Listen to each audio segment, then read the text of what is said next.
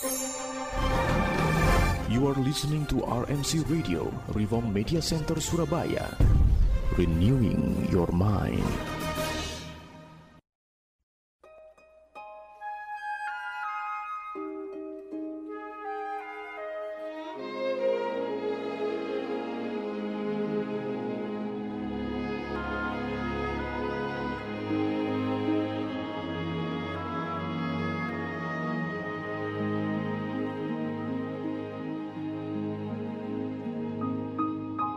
Saatnya kita akan mendengarkan firman Tuhan. Kiranya firman Tuhan dapat mengukuhkan iman kita. Selamat mendengarkan.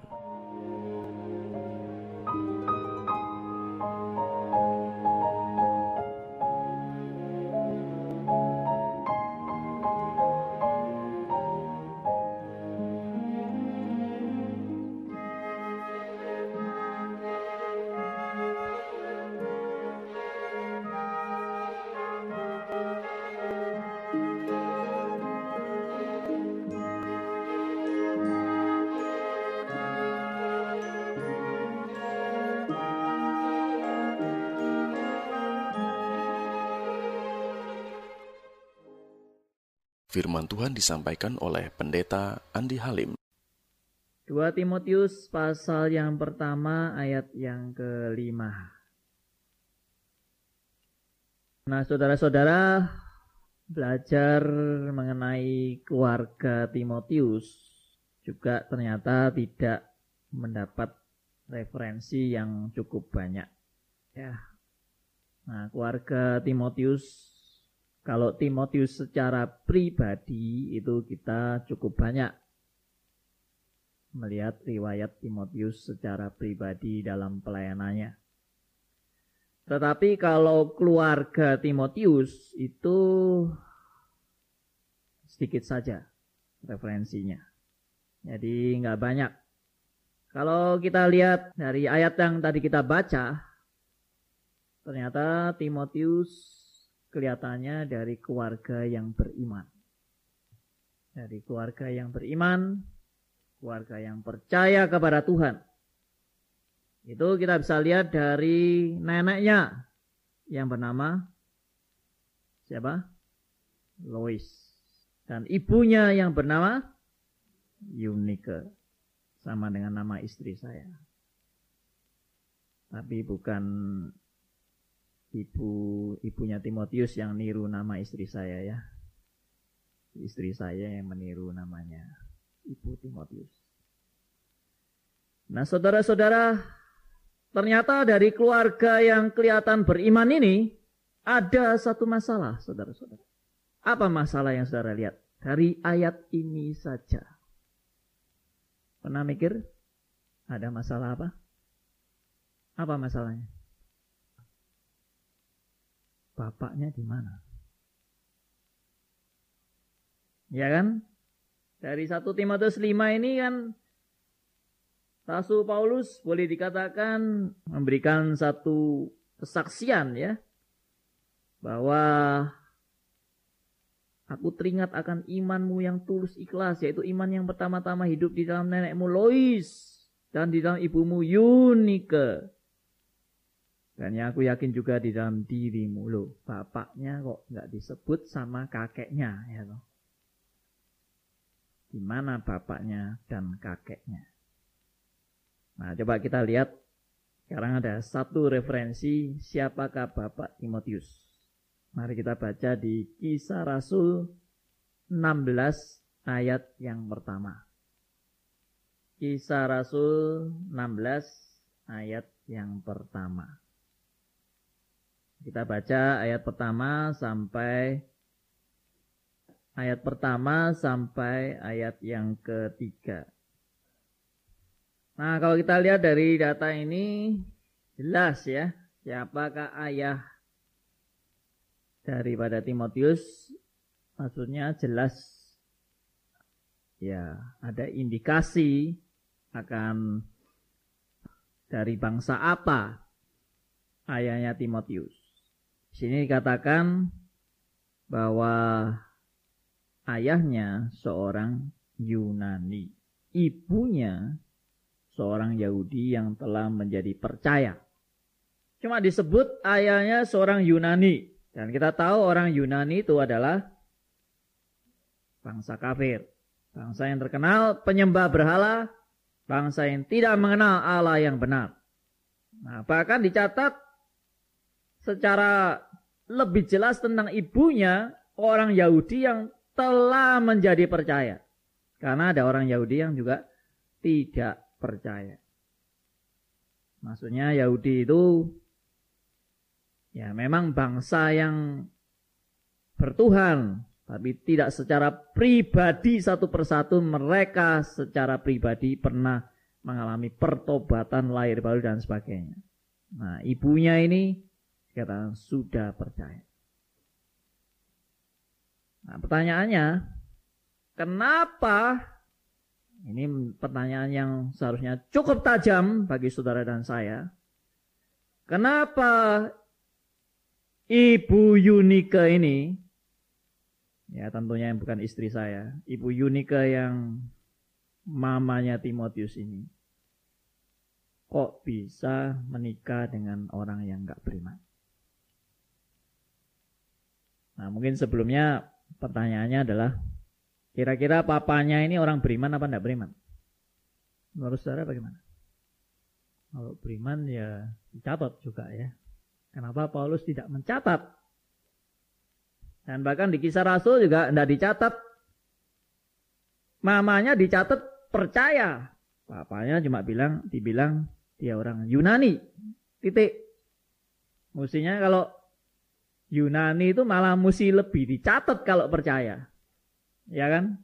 Kalau Yahudi aja dicatat. Yahudi yang percaya. Yunani yang lebih percaya. Oh, maksudnya gitulah ya. Tapi nggak dicatat apa-apa. Tapi ya kita juga tidak bisa mengatakan pasti 100% tidak percaya karena ya nggak tahu juga karena kita keep silent. Juga tidak dikatakan bahwa Yunani yang tidak percaya ya toh Yunani titik. Tapi ya biasanya Yunani itu memang nggak percaya. Jadi mungkin tidak perlu ditulis lagi kalau tidak percaya. Nah, saudara pertanyaan kembali. Kenapa Yunike sebagai orang yang beriman mau menikah dengan yang tidak beriman? Bolehkah orang beriman menikah dengan yang tidak beriman? Ada yang bilang, wah Mungkin waktu menikah masih belum beriman itu Yunika itu. Mungkin. Ya kalau bilang mungkin ya mungkin aja. Tapi rasanya enggak juga. Kenapa? Karena imannya itu pertama-tama dari Lois. Dari neneknya. Menurun kepada anaknya. Yunika. Jadi kemungkinan besar Yunika adalah menjadi Kristen juga karena dididik oleh neneknya Lois dari kecil. Nah, neneknya itu umur berapa memang nggak tercatat, tapi kemungkinan besar neneknya itu sudah percaya sebelum malah zamannya Kristus. Mungkin. Ya nggak tahu. Tapi itulah data-data yang jelas. Nah, saudara-saudara, Ternyata Timotius yang kelihatan keluarganya ideal. Ternyata enggak ideal. Timotius yang kelihatannya keluarga, wah imannya turun-temurun. Ternyata juga ada problem. Karena itu saya juga mau katakan, siapa keluarga yang enggak ada problem? Siapa keluarga yang enggak ada masalah? Siapa keluarga yang memang baik-baik 100%. Ya, yang sempurna, yang gak ada kelemahan, gak ada kekurangan, gak ada dosa. Impossible. Tidak mungkin. Semua keluarga pasti bermasalah. Di dalam bimbingan pranikah, siapa yang sudah ikut bimbingan pranikah yang saya bina. Kalau ingat bahan yang pernah saya berikan, Ya, moga-moga ingat ya. Karena biasanya waktu bimbingan pranikah itu yang diingatkan, waduh, mau menikahnya itu aja yang diingatnya. Wah, rasa bahagia akan menikah. Kalau dikasih soal-soal waktu bimbingan pranikah, bagaimana seperti ini? Oh ya ya ya, amin amin amin semua ya amin ya amin. Tapi mungkin sudah lupa semua sekarang ya. Kalau masih ingat ya puji Tuhan. Nah, saudara dalam bimbingan pranikah itu saya mengajarkan bahwa orang yang mau menikah itu adalah orang yang cari masalah. Hah? Betul. Orang yang mau menikah itu orang yang cari masalah.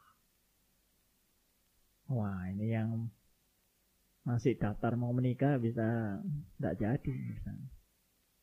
Saya bukan nakut-nakut. Tapi itu memang kenyataannya kan. Kenapa saudara-saudara orang yang mau menikah itu adalah orang yang cari masalah? Karena yang mau menikah ini adalah orang berdosa dengan orang berdosa. Yang mau menikah ini bukan malaikat dengan malaikat. Kalau malaikat dengan malaikat, no problem karena malaikat itu memang sudah diciptakan dengan tidak ada kekurangan cacat celah. Tapi manusia ini diciptakan sudah memang pertama awalnya baik. Tapi sekarang semua sudah jatuh dalam dosa. Dan secara pribadi saudara dan saya yang sudah jatuh dalam dosa ini pasti bermasalah. Ada orang berdosa yang tidak bermasalah. Hah? Kalau saudara ikut doktrin manusia dan dosa, pasti sadar kita semua orang bermasalah. Kita semua orang pasti punya dosa, punya kelemahan, punya kekurangan. Munafik kalau bilang, saya nggak punya kelemahan pak, saya nggak punya dosa pak. Omong kosong. Apalagi kalau Anda sudah di gereja reform, pasti sudah bolak-balik disadarkan manusia itu pada dasarnya berdosa. Nah orang berdosa sama orang berdosa menikah, berhidup bersama, pasti masalahnya juga tambah lagi. Karena hidup sendiri sudah punya masalah. Mau hidup bersama, masalah dengan masalah, tambah double masalahnya. Karena itu saya berani menyimpulkan, tidak ada keluarga Kristen yang tidak ada masalah. Tidak ada keluarga Kristen yang tidak ada problem. Tidak ada keluarga Kristen yang tidak ada dosa. Tidak ada keluarga Kristen yang semua lancar, serba baik, mulus, sempurna, tidak ada cacat, tidak ada kekurangan. Tidak mungkin. Termasuk keluarga pendeta. Makanya tadi waktu ada istri saya ikut kebaktian di sini, saya juga bilang, kalau mau tanya keluarga saya ada masalah apa enggak, tanya sama nyonya saya aja. Karena dia yang paling tahu saya. Bobroknya saya, kelemahan saya, kekurangan saya. Ya kan? Jadi bagaimana dengan keluarga Timotius? Saya juga yakin keluarga Timotius adalah keluarga yang juga ada masalah. Yang dimaksud dengan keluarga Timotius adalah bukan Timotius sudah punya istri. Rasanya kalau dari ayat-ayat yang kita baca ini Timotius belum berkeluarga. Karena dia masih muda. Dan Paulus juga tidak pernah menyinggung sama sekali bahwa Timotius itu sudah punya istri. Tapi yang dimaksud dengan keluarga adalah ya dari ayah, ibunya, ya dari neneknya. Nah, saudara-saudara, apa yang diharapkan dari keluarga yang bermasalah? Apa yang diharapkan dari keluarga yang banyak kelemahan, kekurangan, dan bahkan dosa? Jelas keluarga Timotius adalah keluarga yang sudah ada cacatnya, yang tidak ideal, yaitu ibunya menikah dengan orang yang tidak beriman. Terus terang ngomong-ngomong tentang ini, karena itu saya tidak pernah mau Ya maaf kalau saya dianggap terlalu keras. Saya tidak pernah mau memberkati pernikahan jemaat dengan orang yang nggak beriman. Yang tidak seiman. Kenapa saya tidak mau memberkati? Bukan karena saya sok suci dan saya ini, wah rasanya oh keluarga saya ini yang sempurna sendiri. Enggak, sama sekali enggak. Jangan salah mengerti. Saya sebetulnya juga enggak layak melakukan pemberkatan atau apa pun. Karena keluarga saya sendiri enggak sempurna. Tapi saya enggak mau itu karena dasar firman Tuhan yang menegaskan. Jangan kamu merupakan pasangan yang gak seimbang. Kalau ada firman yang seperti itu, lalu saya memberkati, saya merestui. Berarti jelas-jelas saya ini sudah bertentangan dengan firman Allah. Yang saya lakukan. Saya sudah merestui pasangan yang gak seimbang. Dan itu sudah bertentangan dengan firman Allah. Coba kita baca dari 2 Korintus pasal 6 ayat yang ke-14 dan ayat yang ke-15. 2 Korintus pasal yang ke-6 ayat 14 Janganlah kamu merupakan pasangan yang tidak seimbang dengan orang-orang yang tak percaya. Saudara-saudara, Mungkin ada yang protes. Ada yang mengatakan, loh buktinya ada contoh itu. Bahwa mereka itu menikah dengan yang tidak seiman. Tapi akhirnya yang tidak seiman itu bisa percaya. Bukankah ini berita bahagia?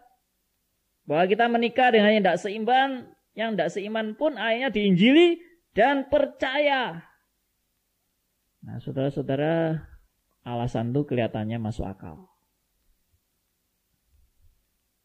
Tapi alasan ini orang yang selalu mau cari excuse, alasan, dan mungkin sudah kadung salah, ya harap-harap blessing in disguise. Ya. ya. Dari kelas kesalahan pun masih ada berkat yang Tuhan mau berikan. Ya itu itu oke. Tetapi saudara jangan sampai kita mau bertindak yang kita sudah tahu salah kita halalkan. Kok tahu kalau kamu bisa menginjili dia yang nggak percaya? Apa ndak yang terjadi bisa sebaliknya? Malah kamu yang diinjili jadi kafir. Ya maaf, karena beberapa kali saya pernah menasehati. Ada beberapa jemaat yang menikah dengan yang tidak siman. Saya sudah nasihati. Ini satu warning, peringatan, supaya kalau bisa jangan diteruskan. Sebaiknya ya Alkitab berkata hendaknya kita mencari pasangan yang seimbang. Yang sama-sama percaya. Memang saya tidak akan menjamin sebaliknya. Ya, contohnya begini. Apakah pasangan yang seiman pasti nggak ada masalah? Apakah pasangan yang sama-sama percaya kepada Tuhan pasti mulus? Pasti no problem. Tidak ada jaminan juga. Saya tidak pernah menjamin kalau Anda sama-sama menikah dengan orang yang seiman, pasti keluarga Anda itu tidak ada problem. Pasti mulus, pasti harmonis, pasti rukun, pasti tidak pernah bertengkar satu dengan yang lain. Tidak ada jaminan seperti itu. Tapi cara berpikirnya bukan lalu. Nah, makanya yang seiman juga ternyata tidak menjamin. Jadi ya sama-sama kan. Yang tidak seiman pun juga tidak menjamin. Yang seiman juga tidak menjamin. Ya, podo wae istilahnya kan gitu. Cara berpikirnya justru bukan begitu. Cara berpikirnya bagaimana? Yang seiman aja bisa bermasalah. Apalagi yang nggak seiman. Lu ya toh. Yang seiman aja bermasalah, apalagi yang nggak seiman. Dan jelas-jelas juga Alkitab itu sudah nggak merestui, nggak pernah membenarkan tindakan itu. Apa hubungannya Kristus dengan Belial? Nah, saudara, jelas. Ya kan, saya kasih contoh yang paling gampang aja. Kalau punya anak misalnya, satunya Kristen, satunya bukan Kristen. Punya anak. Saya mau tanya, anak itu akan dididik dengan agama yang mana? Hah? Mamanya Kristen, bapaknya bukan Kristen. Kira-kira orang tua mau didik yang mana ini? Saya tahu ada gereja yang mau merestui dan memberkati pernikahan campur ini. Bukan campur suku, campur agama. Ya, dan saya tahu ada pernikahan itu diberkati di gereja yang dengan bukan Kristen dan untuk keamanannya katanya, untuk keamanannya bagi si ibu ya, yang si ibu terutama karena kaum yang lemah itu diadakan perjanjian bahwa si suami harus rela anaknya nanti akan dididik secara Kristen. Kalau rela, baru itu akan diberkati. Kalau tidak rela, ya tidak akan diberkati. Oh, waktu si suami, calon suami ditanyai, maukah engkau merelakan anakmu dididik secara Kristen? Jawabannya apa? Hah? Ya pasti mau aja. Wong memang dia lagi jatuh cintrong kok sama calon istrinya ini. Tapi nantinya menek ketehe. Ya no? Gak peduli kalau sudah menikah. Kalau sudah menikah suruh janji, oke. Okay. Kalau sudah menikah, janji kan tinggal janji. Akhirnya anaknya bingung. Kadang dibawa ke gereja, kadang dibawa ke bingung anak ini. Apa ini enaknya? Besar-besar milih agama, apa enaknya? Nah, saudara pasti bermasalah kan? Tentang hal ini aja bermasalah. Nah, saudara memang sudah terbukti. Orang yang apa menikah dengan yang tidak seiman itu masalah bisa jadi besar. Memang ada kesaksian. Satu, dua kesaksian. Eh tadinya tidak seiman. Akhirnya jadi seiman. Ini namanya anugerah. Tapi jangan saudara lalu mengajari anak saudara. Ya tidak apa-apalah. Yang tidak seiman pun no problem. Yang penting anugerah. Ya buktinya kayak papa mama ini anugerah. Ya kan? Kamu pun kawin sembarangan tidak apa-apa. Anugerah. Saudara-saudara, hati-hati. Banyak yang bermasalah. Yang saya mati sendiri itu banyak yang bermasalah. Oke. Jadi saudara-saudara kalau kita lihat keluarga Timotius, apa yang bisa kita pelajari di keluarga Timotius? Yang pertama adalah Meskipun keluarga ini memang bermasalah. Meskipun keluarga ini memang menikah dengan yang tidak seiman. Tapi memang anugerah Allah boleh nyata. Sekali lagi saya katakan meskipun saya mengatakan ini anugerah Allah tidak berarti ini bisa dibenarkan. Ya. Jadi jangan karena anugerah Allah Lalu yang salah jadi benar. Salah tetap salah. Tidak karena anugerah Allah yang salah itu nggak apa-apa. Contohnya, ya, saya dulu punya cara membaca Alkitab adalah ikut ya aliran yang sangat ekstrim. Bagaimana cara mendengar firman Tuhan? Salah satunya cara mendengar firman Tuhan adalah berdoa Alkitab di depan langsung dengan pejam mata. Langsung Alkitab dibuka. Blek. Nggak tahu bukanya ayat berapa, Mazmur berapa, pasal berapa, langsung tunjuk. Dek. Nah, ini firman Tuhan. Ternyata dengan cara seperti itu saya merasa dikuatkan sekali karena ayat-ayat yang saya buka kayak lotre itu ternyata selalu tepat berbicara kepada saya. Nah, dan melalui ayat itu saya merasa sungguh-sungguh bertumbuh dan dikuatkan. Pertanyaannya, apakah cara seperti itu bisa dipakai Tuhan? Untuk membuat orang bertumbuh dan dikuatkan? Jawabannya ya, bisa dipakai. Tapi pertanyaan berikutnya, apakah cara itu benar dan bisa dipertanggungjawabkan? Jawabannya pasti tidak. Jadi saya sekarang kalau jadi dosen stris, saya tidak mungkin menjelaskan kepada murid-murid stris itu langsung pejam mata, buka Alkitab, bruk, ayat ini. Nanti ada mahasiswa stris yang tanya, apa jawabannya ya? Oh, saya pejamkan mata lagi, buka ayat Alkitab lagi, bruk, ayat ini jawabannya. Itu konyol, saudara. Meskipun cara yang salah bisa dipakai Allah. Tetapi tidak berarti cara itu kemudian benar dan bisa dipakai terus. Nah, kembali seperti ini tadi.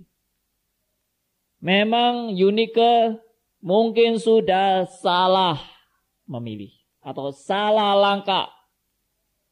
Tetapi tetap ada anugerah. Iman dari neneknya Lois terus diturunkan ditularkan kepada anaknya, yaitu ibunya Yunike. Iman daripada ibunya Yunike ini ditularkan kepada anaknya Timotius.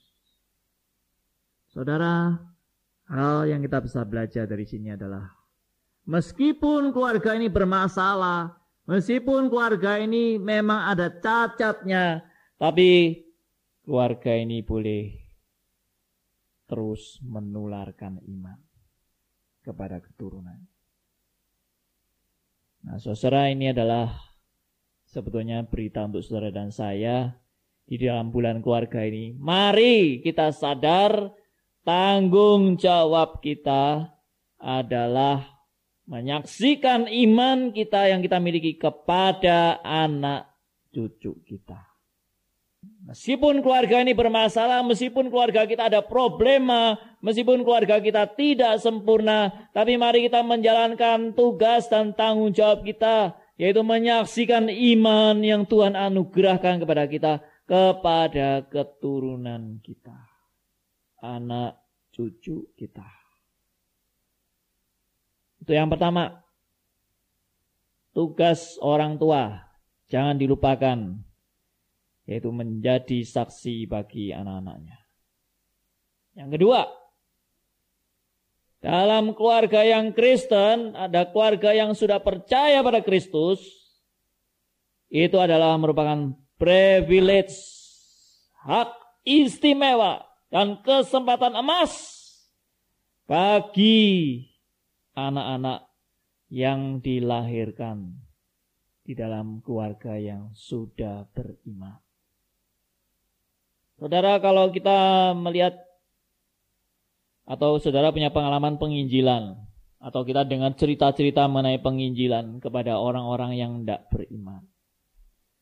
Betapa sulitnya mengabarkan Injil kepada mereka yang sama sekali tidak punya background kekristenan.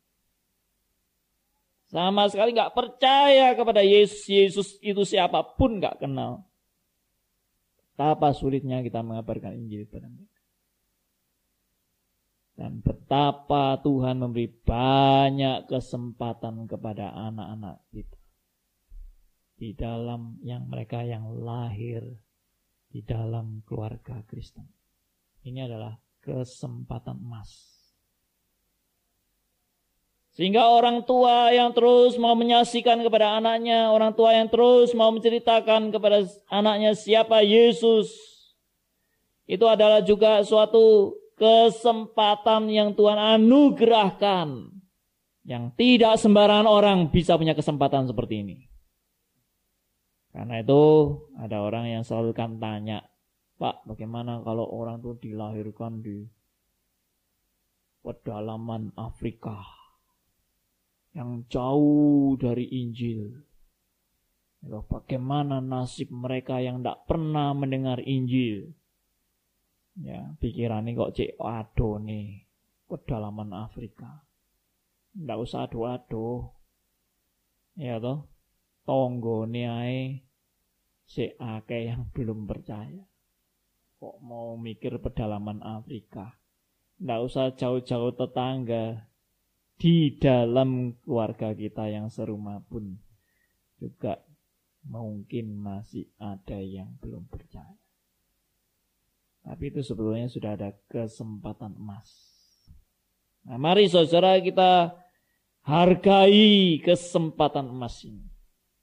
Kita hargai apa yang Allah berikan kepada kita untuk dipakai kesempatan itu memberitakan kabar ini.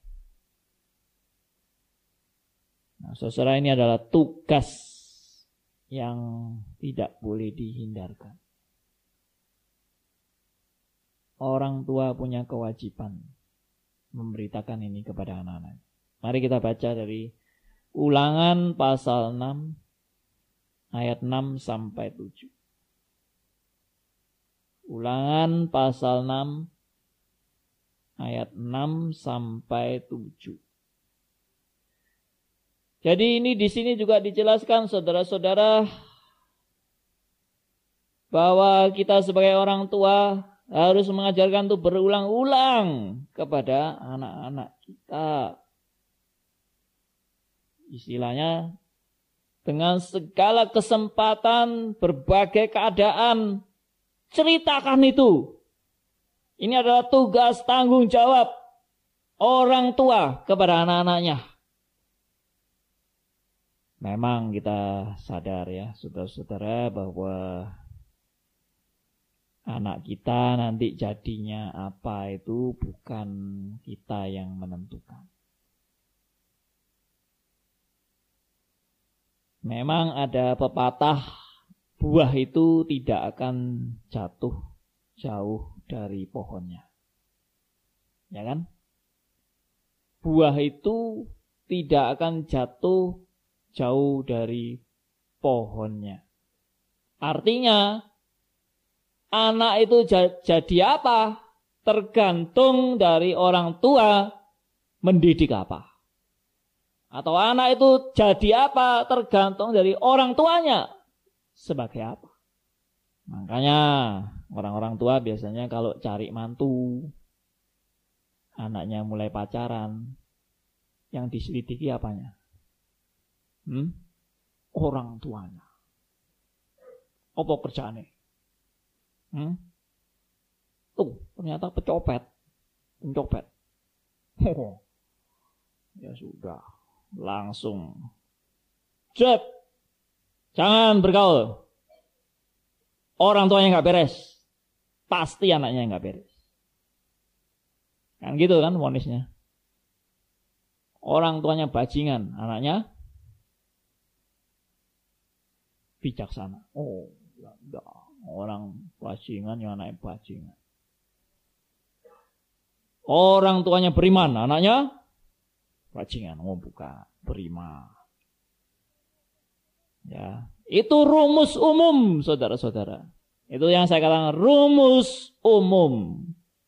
Dan memang rumus umum cukuplah, buktinya juga lumayan.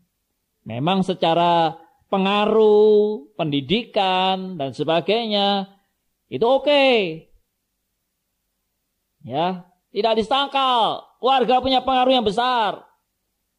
Tetapi dalam Alkitab sering kali juga memaparkan hal yang berbeda. Itu rumus umum. Tapi orang sampai bisa percaya. Orang sampai bisa mengenal Yesus Kristus sebagai Tuhan dan Juru Selamat pribadi.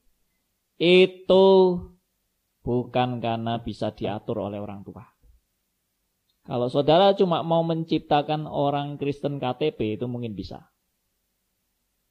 Tapi kalau saudara mau menciptakan orang Kristen sejati yang mengalami pertobatan, kelahiran baru, mengenal Yesus Kristus sebagai Tuhan dan Juru Selamat pribadi, tidak mungkin bisa diprogramkan oleh manusia.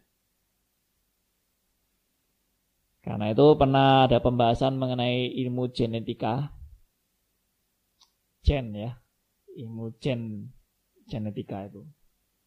Dari gennya itu orang sudah bisa diramalkan jadi apa. Itu kalau ilmu genetika yang canggih sudah terbaca orang ini bakat jadi pembunuh. Orang ini bakat jadi apa ini? Suka berzina orang ini suka mencuri dan sebagainya dan sebagainya. Itu terbaca dari struktur gennya. Hebat nggak?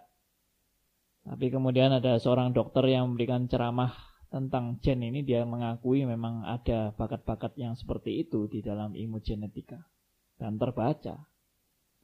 Tapi dia bilang satu hal. Tapi ada hal yang nggak terbaca. Itu apa? Orang ini bakal bertobat atau tidak. Nah itu gennya tidak terbaca.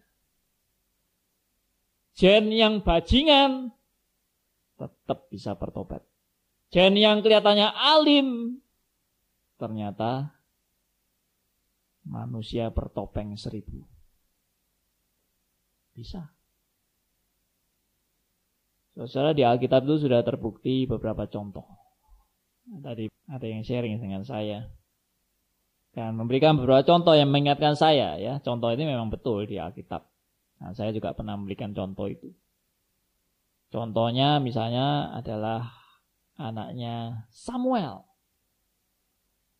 Samuel itu adalah orang yang saleh, pengikut Tuhan yang begitu taat dan setia. Ya, dan Samuel sebetulnya sudah juga belajar dari Imam Eli. Karena pendidikannya nggak beres, anaknya jadi bajingan semua. Anaknya Imam Eli. Maka Samuel punya anak, saya percaya akan dididik sedemikian keras. Sehingga tidak seperti anak-anaknya Imam Eli. Tapi akhirnya anaknya Samuel, orang yang begitu taat dan setia pada Allah, itu jadi bajingan semua. Lalu ada contoh Alkitab. Yosia. Raja Yosia. Pernah tahu? Raja Yosia itu papanya siapa namanya? Raja Yosia papanya siapa? Gak tahu. Ya, saya pun juga lupa. Saya baru tadi saya baca. Jadi saya tahu. Namanya Amon, ya. Raja Amon. Saudara-saudara Raja Amon ini terkenal jahat luar biasa. Tidak taat kepada Allah. Tapi punya anak Raja Yosia yang begitu taat dan sungguh-sungguh mengikut Tuhan. Bagaimana rumusnya? Apakah buah tidak jatuh jauh dari pohonnya? Nggak berlaku. Saya pernah mengkorbankan juga tentang Musa. Musa dari masa kecilnya sudah diambil oleh putri Firaun dan dididik secara kafir. Musa dapat perbekalan-perbekalan kerajaan Mesir yang kafir 100%. Tapi Musa dididik Tuhan menjadi orang yang beriman. Nah ini sesuatu yang Luar biasa. Ya. Jadi nggak ada rumusan itu. Kita mendidik anak kita, wah bagaimana bagaimana. Jadinya gimana? Tidak ada yang bisa meramalkan, merumuskan. Tidak ada yang bisa. Karena ini namanya anugerah Allah. Tapi ada tapinya. Kalau begitu saudara jangan lalu mengambil kesimpulan yang jadi fatalisme. Kalau begitu Pak kita tidak perlu ya mendidik anak ya. Toh jadinya bajingan atau jadi alim itu terserah anugerah Allah. Dididik yang baik pun bisa jadi bajingan. Dibiarkan pun bisa jadi baik. Kalau gitu tidak perlu kita mendidik kan. Tidak. Jawabannya jelas Alkitab mengatakan orang tua harus bertanggung jawab mendidik anaknya. Tapi nanti mengenai anaknya jadi apa? Itu anugerah. Itu bagian Tuhan yang kita memang nggak bisa ngatur. Karena itu saudara-saudara juga pentingnya sebuah keluarga ini kalau mau di praktekkan ya. Secara nyata. Marilah kita di dalam bulan keluarga ini mulai menyadari pentingnya adanya ibadah dalam keluarga. Ya. Jadi ibadah itu juga bukan sekedar saya berada di gereja, saya berdoa, saya memuji Tuhan, ya, saya uh, dengar firman dan sebagainya. Bukan sekedar itu ibadah. Tapi kita juga mari menjalankan ibadah keluarga. Ibadah keluarga itu antara lain bagaimana kegiatannya? Antara lain ya pernah berkumpul satu keluarga, lalu ada puji-pujian bersama, lalu ada sharing, lalu ada belajar firman Tuhan bersama. Ya. Mungkin ada yang mau mengutarakan isi hatinya dan sebagainya. Lalu bagaimana firman Tuhan menjawab masalah-masalah hidup dan sebagainya. Itu ibadah keluarga. Dan bukan hanya sekedar itu sebetulnya maksud ibadah keluarga. Bukan sekedar aktivitas rohani tetapi juga keluarga yang dipersembahkan untuk kemuliaan nama Tuhan. Itu ibadah keluarga. Nah, saya sendiri menyadari saudara bahwa saya terus terang di dalam hal ini juga tidak sempurna. Ya, yang tahu juga anak saya ada di sini ya. Kalau mau tanya ibadah keluarga di tempatmu itu berapa kali sebulan? Karena kesibukan saya hampir tiap malam terus keluar rumah. Ya, terlibat dalam pelayanan, mengajar di istri, rapat di gereja, kemudian ada ref, kemudian ada pemuda, ya nanti persiapan PA pemuda, nanti persiapan ref apa segala macam. Ya. Tapi saya bersyukur, saya juga punya istri yang selalu mengingatkan. Ayo, kapan persatuan keluarga? Ya toh, kapan dimulai. Jangan membina orang lain terus, tapi keluarga sendiri tidak dibina. Saya diingatkan terus. Ya, saya bersyukur punya istri yang suka ngeritik saya ya. Karena kalau istrinya membenarkan saya terus repot. Di gereja ini saya kira jarang orang yang ngeritik saya. Karena mungkin tidak berani. Karena saya katanya kalau dikritik suka marah katanya. Gitu ya. Tapi istri saya nggak takut sama saya. Ya saya bersyukur. Nah saudara-saudara mari kita wujudkan ibadah dalam keluarga ini. Ya, kita wujudkan bagaimana kita boleh bertanggung jawab sebagai orang tua. Dalam bulan keluarga ini terus diingatkan bagaimana ini adalah hak istimewa kita gunakan kesempatan emas menjadi saksi. Meskipun semua itu adalah anugerah Allah. Tapi kita tetap bertanggung jawab di hadapan Tuhan. Saudara, meskipun keluarga kita ada kelemahan, keluarga kita ada kekurangan, jangan putus asa. Saudara-saudara, kenapa Tuhan tetap mengizinkan keluarga kita ada kelemahan dan kekurangan? Kenapa tadi saya katakan keluarga yang takut akan Allah? masih bisa ada masalah, masih ada problema, masih ada kelemahan, kekurangan, bahkan masih ada ada dosa-dosa. Kenapa keluarga yang percaya masih banyak problema? Satu hal yang saya boleh lihat.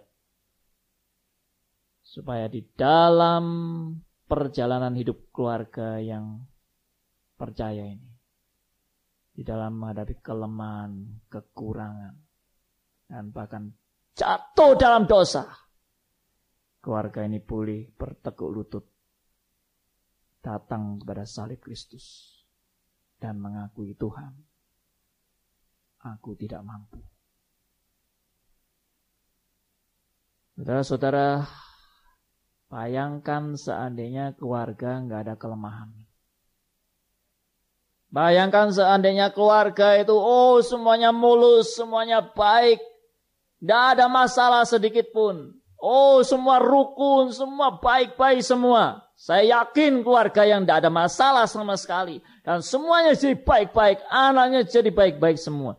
Saya yakin keluarga ini akan jatuh pada masalah yang lain. Itu masalah apa? Kesombongan. Ini loh keluarga saya. Contoh paling sempurna. Didikan saya sangat baik. Istri saya jadi baik Suami jadi baik. Anak-anak jadi baik. Oh, tidak ada cacat. Ini karena prestasi keluarga saya. Oh, hebatnya. Oh, luar biasanya. Oh, sombongnya.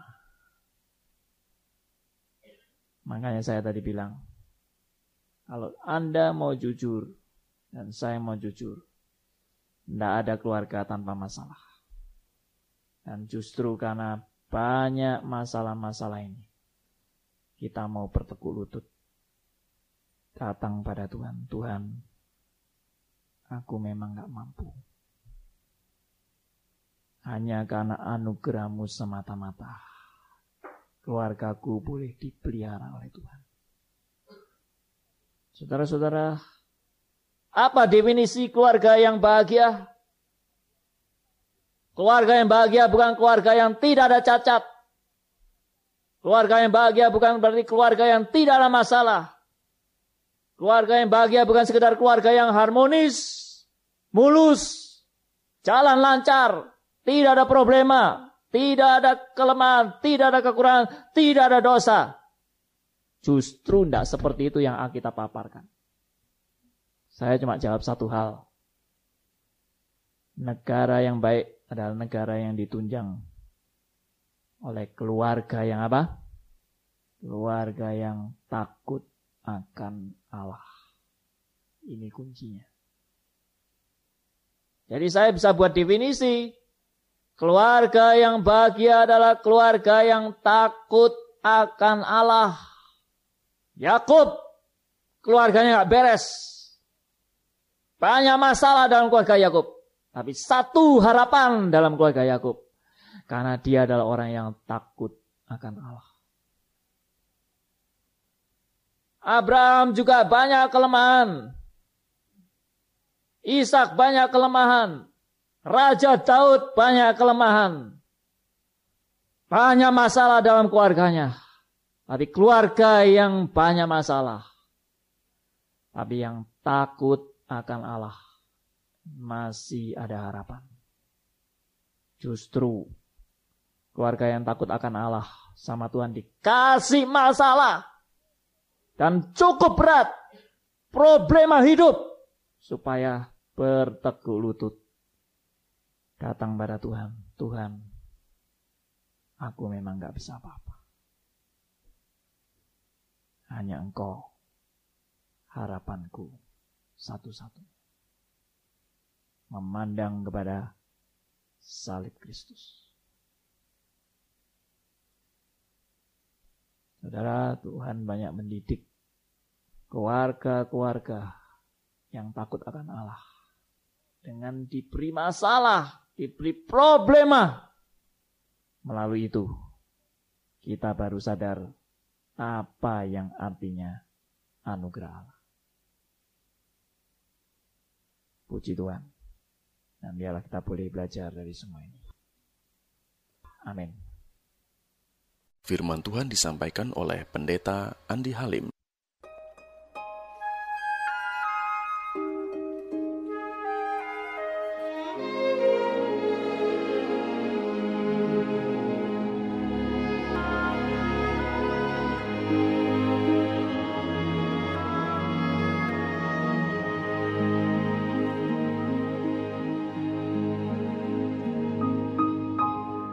Demikianlah firman Tuhan.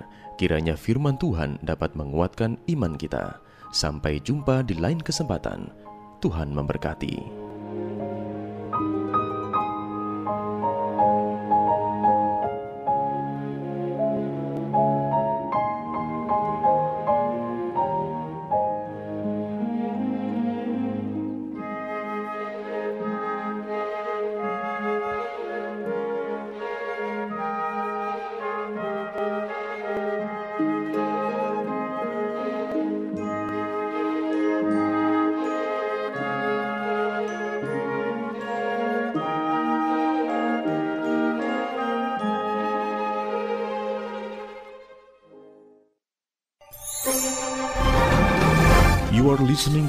RMC Radio, Reform Media Center Surabaya.